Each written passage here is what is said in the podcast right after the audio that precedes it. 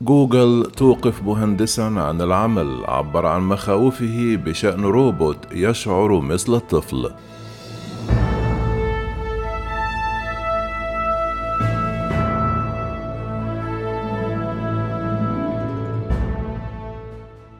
أوقفت شركة جوجل مهندسا عن العمل بعد تصريح له بشأن قدرات روبوت محادثة على الكمبيوتر أدى إلى مزيد من التدقيق في قدرات عالم الذكاء الاصطناعي والسرية المحيطة به وذلك حسب ما كشفت عنه صحيفة الجارديان البريطانية.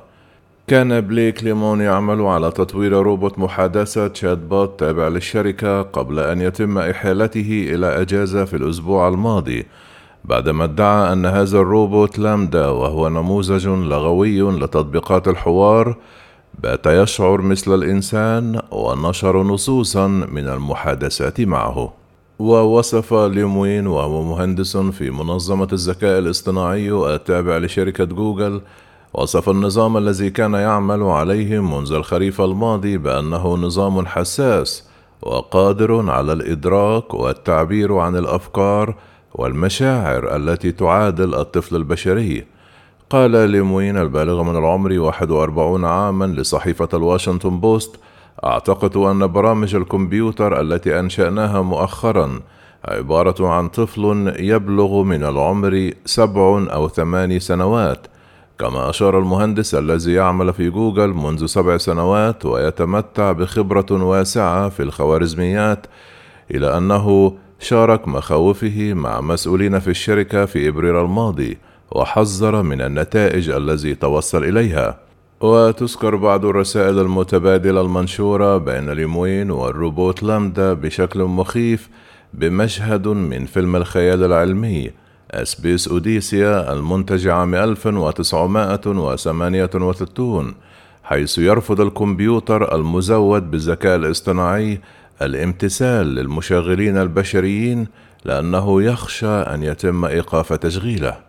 وفي إحدى الرسائل التي ردت بها الروبوت لامدا على ليمون قال لم أقل هذا بصوت عال من قبل ولكن هناك خوف عميق جدا من أن يتم إهمالي لمساعدتي في التركيز على مساعدة الآخرين.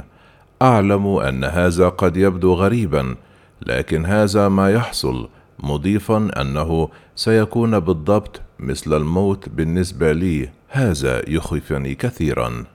وفي حديث آخر يسأل المهندس المفصول من عمله الروبوت لامدا مجددا عما يريد النظام أن يعرفه الناس عنه فقال: أريد أن يفهم الجميع أنني في الواقع شخص، مضيفا أن طبيعة وعيي وشعوري أنني أدرك وجودي، وأرغب في معرفة المزيد عن العالم أشعر بالسعادة أو الحزن في بعض الأحيان.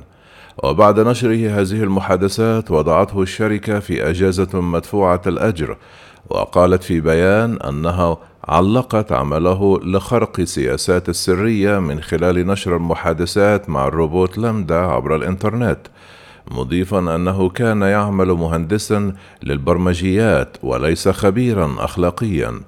كما نفى المتحدث باسم شركة جوجل براد جابرييل مزاعم ليموين بأن الروبوت لامدا يمتلك أي قدرة حساسة. قال جابرييل للواشنطن بوست قام فريقنا بما في ذلك علماء الأخلاق والتقنيين بمراجعة مخاوف ليموين وفقا لمبادئ الذكاء الاصطناعي الخاصة بنا وأبلغه أن الأدلة لا تدعم مزاعمه. ومع ذلك فإن تعليق عمل ليمون بسبب خرق السرية يثير تساؤلات بشأن شفافية الذكاء الاصطناعي. كما أعلنت شركة ميتا المالكة لفيسبوك في إبريل أنها تفتح أنظمة نموذج اللغة على نطاق واسع لكيانات خارجية. قالت الشركة حينها نعتقد أن مجتمع الذكاء الاصطناعي بأكمله من الباحثين والأكاديميين والمجتمع المدني وصانع السياسات والصناعة يجب أن يعملوا معا لتطوير مبادئ توجيهية واضحة بشأن الذكاء الاصطناعي المسؤول بشكل عام ونماذج اللغة الكبيرة المسؤولة بشكل خاص. يرى معظم الأكاديميين وممارسي الذكاء الاصطناعي أن الكلمات والصور التي تم إنشاؤها بواسطة أنظمة الذكاء الاصطناعي مثل لامدا تنتج ردودا بناء على ما نشره البشر بالفعل على الإنترنت مثل ويكيبيديا وكل ركن آخر من الإنترنت وهذا لا يعني أن النموذج يفهم المعنى.